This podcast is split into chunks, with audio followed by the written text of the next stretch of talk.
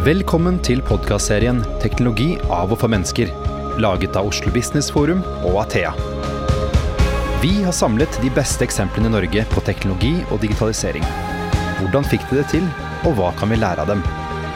Velkommen til denne ekstraepisoden i podkastserien 'Teknologi av og for mennesker'. Mitt navn er Christian Brostad.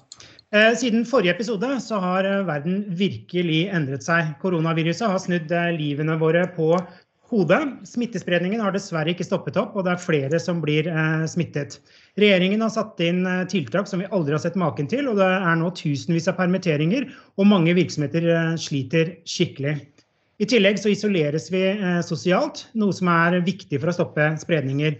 Skolen stenger, barnehagene er stengt, mange virksomheter stenger kontorene for å hindre smitte, og mange tusen arbeidstakere jobber nå hjemmefra. Vi har jo kunnet jobbe hjemmefra før, men nå har hjemmet også blitt vårt kontor.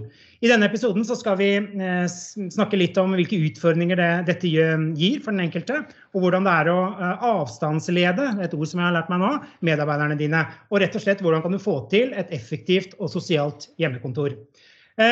Innspillingen av denne episoden foregår selvfølgelig online. Vi har gjester fra si, hele landet, det er i hvert fall to av de. Vi har Cecilie Tunem Sånum, som er forfatter, rådgiver, mentor og foredragsholder, og har egentlig hele landet som arbeidsplass. Og så har vi Vigdis Austrein, som er lederutvikler, og har lang fartstid fra mange tekstselskaper, som f.eks. Microsoft og Cisco. Velkommen til dere. Tusen takk. Det er litt, Ideelt sett så burde vi ha sett hverandre fysisk, men det går jo ikke nå da, pga. den situasjonen vi er inne i. Tenkte alle først, Begge av dere er jo selvstendig næringsdrivende. Cecilie, hvordan er arbeidshverdagen din nå? Ja, på en måte så er det business as usual, med at jeg har noen dager i uka på hjemmekontor fra før av. På den andre siden så er alt absurd og snudd helt på hodet.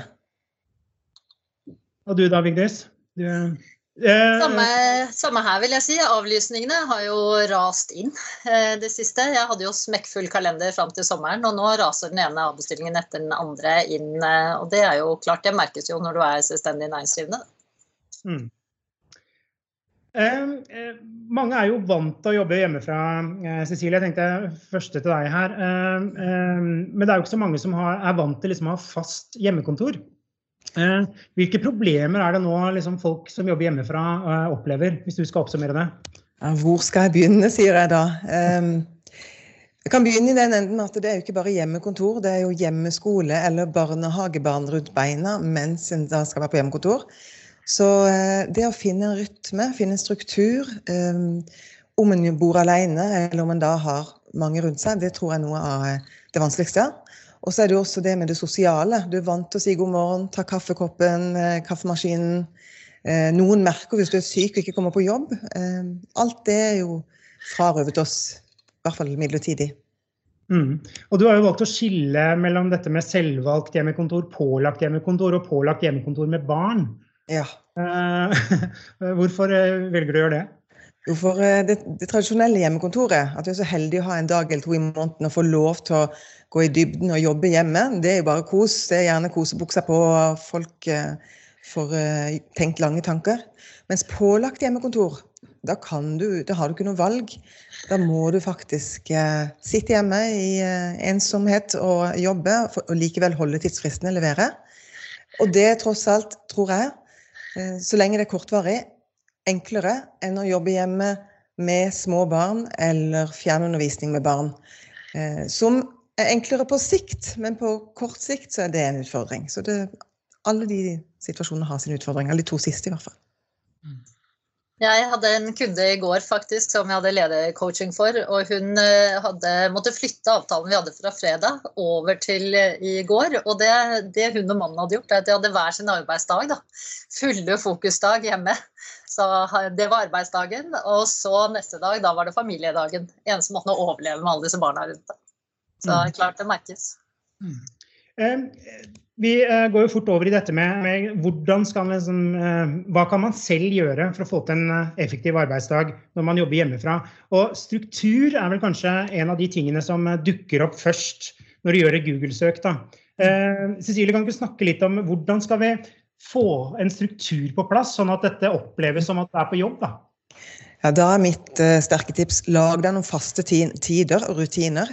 Her hos oss så starter skoledagen halv ni. Um, det er ikke jeg fått gjort på kontoret før halv ni. Det skjer ikke på et par timer. Og så er det om å gjøre å sette tidsfrister for seg selv. Det tipset jeg også bruker i vanlige hjemmekontortider. Um, varm opp sånn som du gjør på kontoret med kollegaer. Dvs. Si, drikk kaffe, sjekk mail, svar på noen enkle ting. Og så har du en selvpålagt tidsfrist, f.eks. klokka ni, at da går du i gang med dybdeoppgaver. Den tidsfristen trenger du ikke på jobb, for da begynner møtet ditt klokken ni, eller du har kollegaer som ser på klokka og sier nei, vi får vel komme i gang. Mens er du på hjemmekontor, så er det essensielt at du har tider eh, og rytme. Du vet at lunsjen er som vanlig klokka 11 eller halv 12 når du pleier å ha lunsj. Eh, og at du også passer på å legge inn eh, såkalte friminutt, altså pauser, reelle pauser. Mm. Vigdis, du har jo alltid hjemmekontor, eller? Ja, jeg har det veldig ofte i hvert fall. Jeg har hatt det mange år, ja. ja hvordan er det? For jeg tar det litt i meg selv, da, fordi at uh, kanskje første møte begynner åtte. Og Da ja. står jeg ti på åtte, og så koker jeg kaffe, og så setter jeg meg i sofaen med Mac-en i fanget, og så, er jeg og så sørger jeg for at jeg ikke slår på kamera. Ja. Er det sånn for deg òg, eller? Ja, det er litt sånn, altså Jeg er jo vant til å ha med meg hele tiden. Jeg har jo lært meg i det siste å bruke et verktøy som heter Whereby, da, som jeg har mitt faste digitale møterom på. Og så nå har jeg lært meg måtte lære meg noe nytt. Jeg har sånn lapp jeg setter foran det der kameravinduet, vet du, eller den pæra på. Eh, sånn at de ikke skal oppdage at jeg sitter i pysjen. Ja, for dette har jo du snakket om, eh, Cecilie. Har du ikke det at uh, dusj om morgenen og ha de rutinene, liksom? Men det er fryktelig vanskelig, altså? Ja, altså Folks hygiene skal ikke jeg legge meg borti, så akkurat dusj om morgenen er kanskje ikke sagt. Men eh, når jeg hører det Vigdis sier, så får jeg lyst til å si med en gang at kom dere ut av pysjen. Eh, og selvfølgelig skal vi unne oss Her hos oss har vi også litt slekkere morgener nå. Men eh, det er jo forska på dette med kleskode og modus, eh, og det å klare mellom å skille tydelig mellom jobb og privat er jo essensielt i disse dager. Og skole privat, for den saks skyld. Så det å komme i klærne og late som du skal treffe noen, i hvert fall litt utpå formiddagen, det syns jeg er lurt. Jeg, jeg, tenker jo det at jeg alltid skifter fordi at jeg eh, har alltid et online-møte i løpet av en dag. Altså Det er ikke en dag uten at jeg har noe online, så da bør jeg jo helst ha på meg et jobbantrekk. tenker jeg. Ja, og da tenker jeg at eh, det er jo vel så viktig å skifte tilbake. Hvis du vanligvis dresser deg opp på jobben, i hvert fall kjenner jeg det selv, at når jeg kommer hjem fra et foredrag eller eh, fra jobb ute i Norge, så er det første jeg gjør, det av med den drakten eller den kjolen, på med jeansen eller noe komfortabelt. Så da viser en også, hvis en bor sammen med noen, eh, ikke bare seg selv, men omgivelsene, at eh, OK, nå er jeg mer tilgjengelig for andre ting. Og så snur en litt om på modus.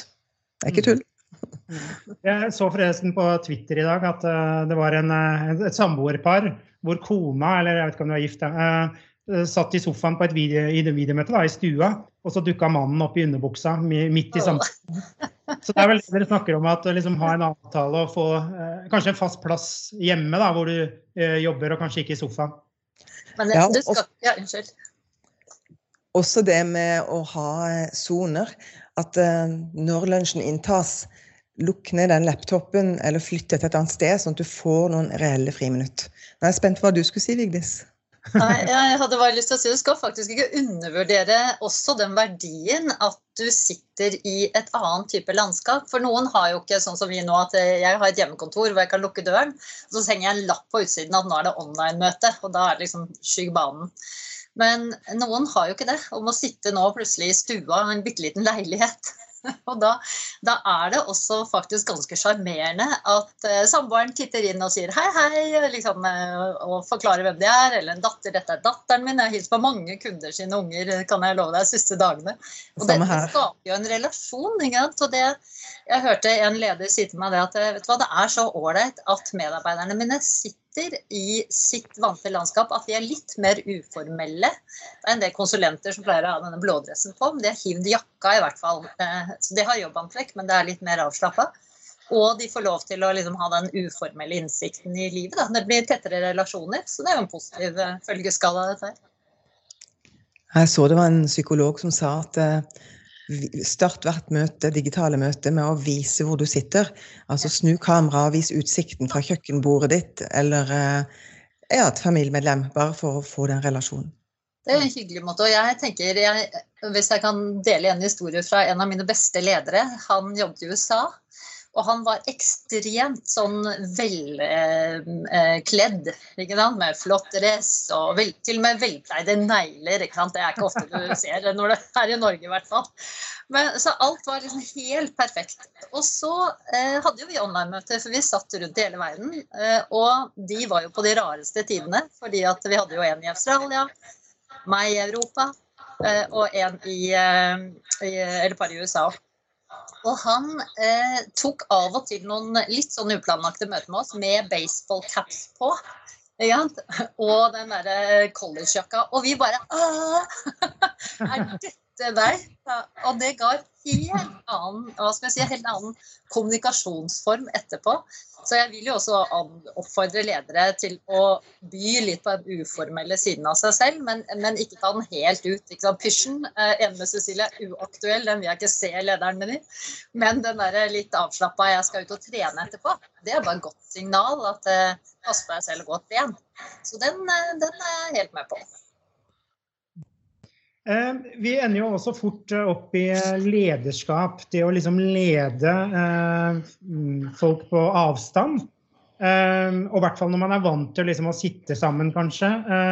Til nå å liksom ha alle medarbeiderne i teamet sitt spredt overalt. Hva tenker du om det, Vigdis? Dette kan jo du en del om. Ja, altså... Jeg har holdt kurs om dette her i ti år, og det, det er eh, De jeg holder kurs for deg, de har jo eh, ønsket dette, kanskje. Nå er vi i en litt annen situasjon, eh, hvor plutselig de som ikke har hatt noe erfaring med å lede på avstand, de skal gjøre det for fullt. Og det, det viktigste jeg tenker, er jo at du er bevisst eh, i lederrollen din mer enn når du leder i hverdagen. For plutselig så har du ikke samme tilgang, du kan ikke uformelt gå og snakke med noen. Ehm, og avstandsledelse det handler egentlig om at folk sitter geografisk eh, på et annet sted enn deg. Eh, og en del har litt sånn negative assosiasjoner til det, da. Ehm, mens, og syns det der er vanskelig. Men jeg må jo si at noen av mine beste erfaringer eh, med å lede team, og selv har vært ledet på avstand i ti år, det er jo faktisk det at du får Det er så mange fordeler ved å jobbe sånn også. Så, så det å tenke over først hva er du tenker om avstandsledelse, og det å gå bevisst inn i lederrollen. Det er vel kanskje det jeg snakker mest om når jeg begynner å prate med noen om avstandsledelse. Da. Men du snakker om bevisst samhandling, bl.a. Eh, ja. Hva legger du i det? Jeg, jeg, jeg, pleier å bruke sånn en liten forkortelse, så folk skal huske på hvordan de skal lede akkurat nå. Eh, det er BITS har jeg begynt å bruke. Så B for bevissthet, I for inspirasjon, T for tydelighet og S for struktur.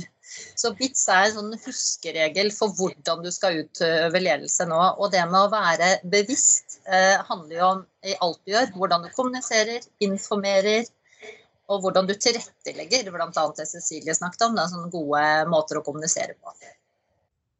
Jeg tenker også på det der med hold kontakten, men slipp kontrollen. Eh, og i det så legger at enkelte ledere, det er det også forsker vi på, får et veldig behov for kontroll når de ikke lenger ser medarbeiderne og kan spørre hvordan de ligger an med tidsfrister stadig vekk. Så det å holde kontakten, vise at man er interessert som leder, men samtidig som du holder kontakten hyppig, så slipper du kontrollen. Og med det så legger jeg la være å fotfølge folk, eh, sjekke hele veien hva de faktisk gjør. Husk på situasjonen deres. Noen bor i en bitte liten leilighet på noen få kvadrat med tre unger rundt beina. Eh, så vær litt eh, fleksibel og vis at du er interessert, men unngå å få den kontrollerende rollen, tenker jeg. Og der tror jeg Et av verktøyene jeg pleier å gi ledere der, det er et godt poeng, Cecilie, og det, det, er akkurat å få ledere til å finne ut hvordan kan du gjøre det. da. Og det jeg pleier å si, er at eh, vær tydelig på forventninger. Vær tydelig på hva du ønsker deg av resultat, og hvilke oppgaver som skal utføres, og hvor det må du bare glemme. Så det, det, er friheten du må gi medarbeiderne. Om sola skinner sånn som i dag, og de går ut og jobber, fantastisk bra, tenker jeg. Mm. Eh, det er ikke det du skal henge deg opp i. Eh, du skal henge deg opp i resultatet de kommer med. Og det første jeg sier, er jo som leder så må du sørge for å jobbe med tillit. Så både selv at du får tillit fra teamet ditt, og det at du gir tillit til medarbeidere. Og det, det, tror jeg vi får syretestet akkurat nå i den situasjonen vi er i. rett og slett. Og micromanagement er det verste vi vet. Altså...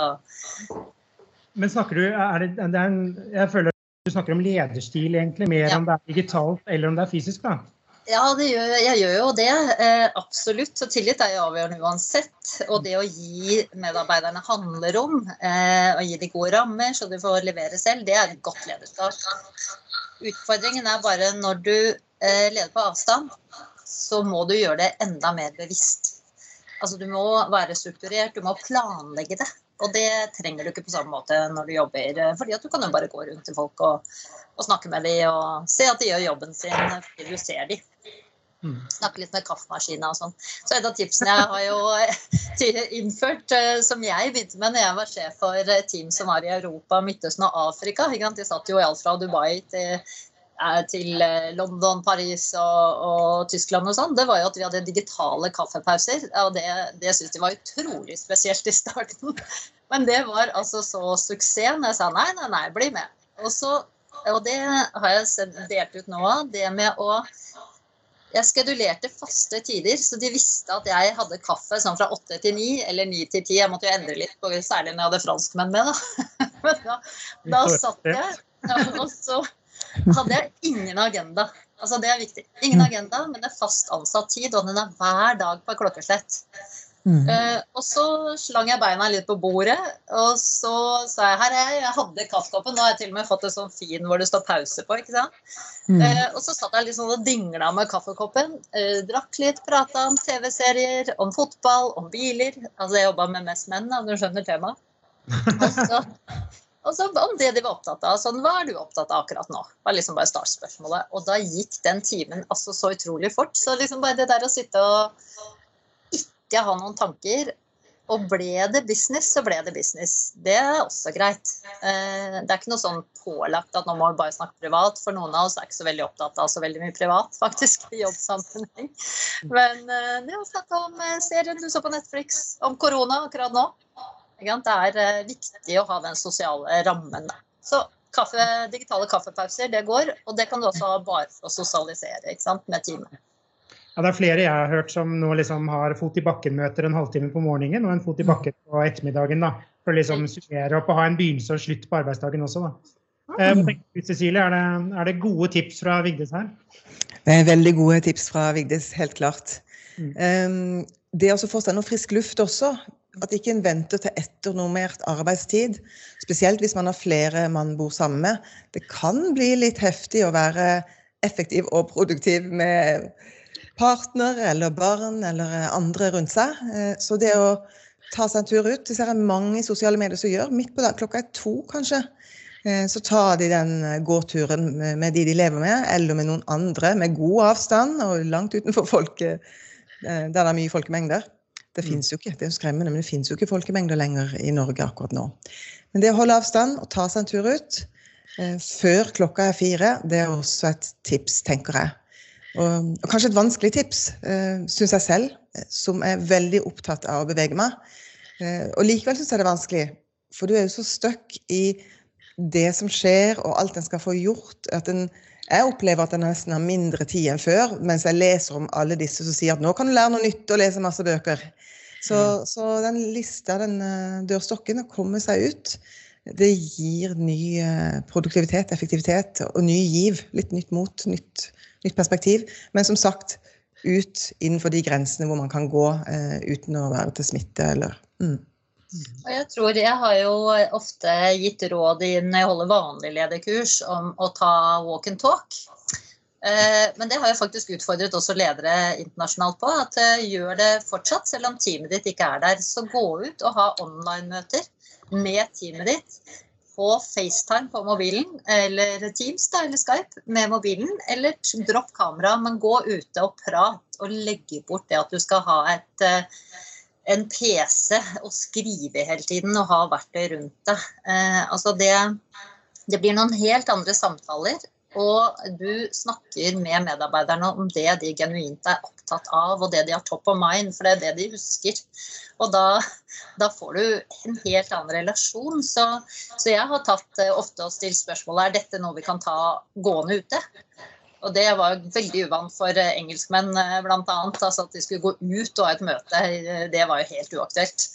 Men eh, etter hvert så ble det en vane. Jeg sa vet du hva, Vigdis, dette har jeg lyst til å ta ute. Da får jeg meg litt luft og litt frisk og tenker klarere. Og så tok vi møtet gående.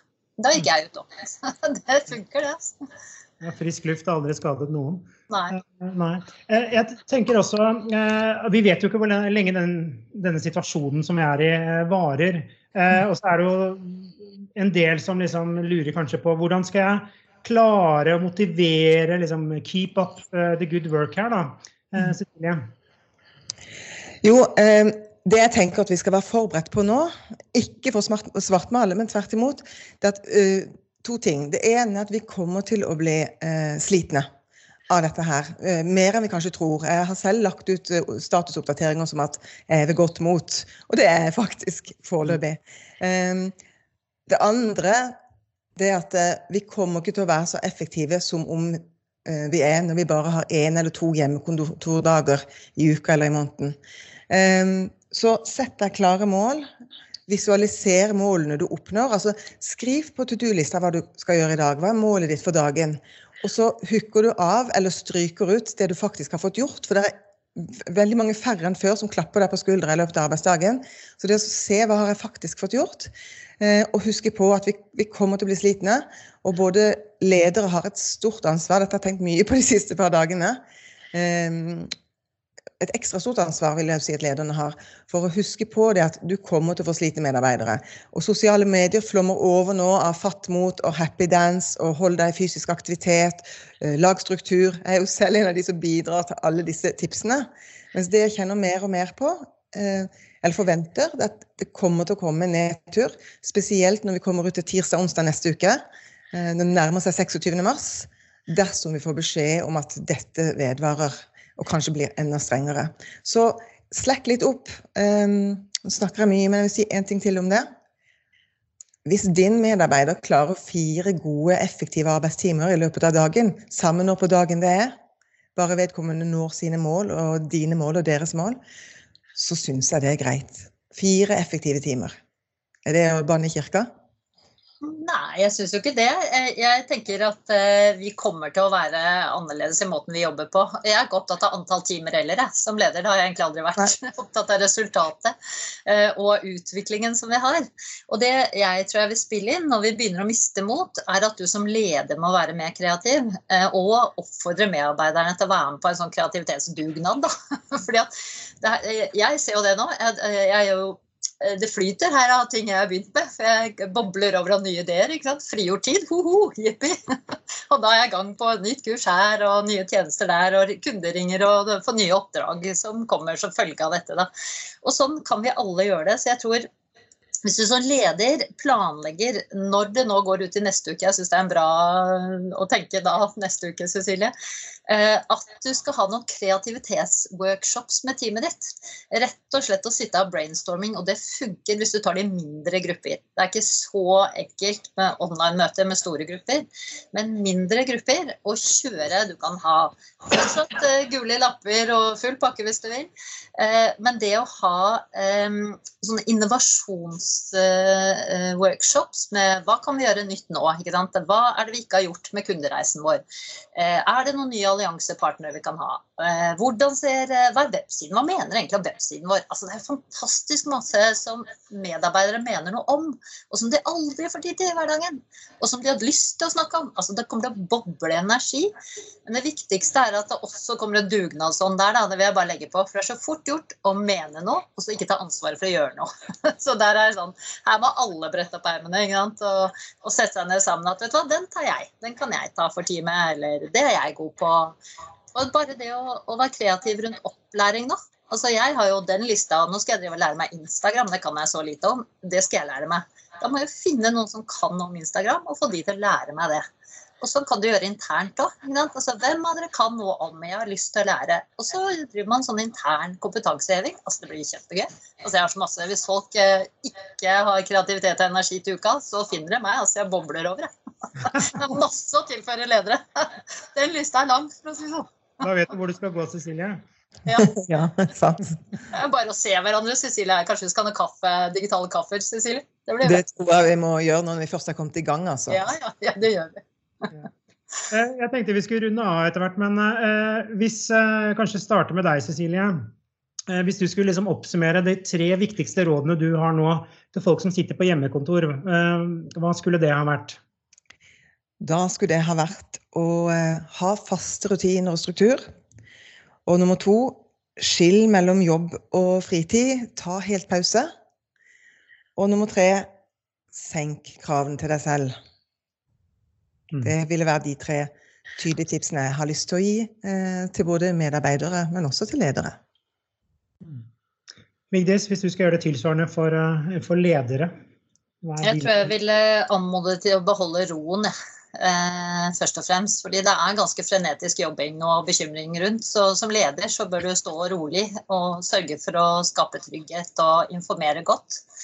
Eh, og så vil jeg si at du skal være flinkere til én-til-én-dialog. Eh, individtilpasset lederskap, kaller jeg det. Men det å ha én-til-én Faktisk ringe medarbeiderne dine eh, med en god gammeldagse telefon, det tror jeg er nyttig. Og så vil jeg si ikke minst fokusere på opplæring. Nå er det en fantastisk mulighet til å drive kompetanseutvikling på områder som du kanskje ikke har tid til tidligere. Både for intern nytte og eksternt. Mm. Bra oppsummering. Eh, tusen takk til, eh, til dere, eh, og tusen takk til alle dere som eh, lytter på. Lov oss å ta vare på dere selv og familien og kolleger, og lov meg at du følger alle rådene fra helsemyndighetene. Du har nå lyttet til podkasten 'Teknologi av og for mennesker', laget av Athea og Oslo Business Forum. Følg oss i sosiale medier og på nettsiden vår athea.no. slash podcast. Vi setter utrolig stor pris på om du gir podkasten en vurdering i iTunes.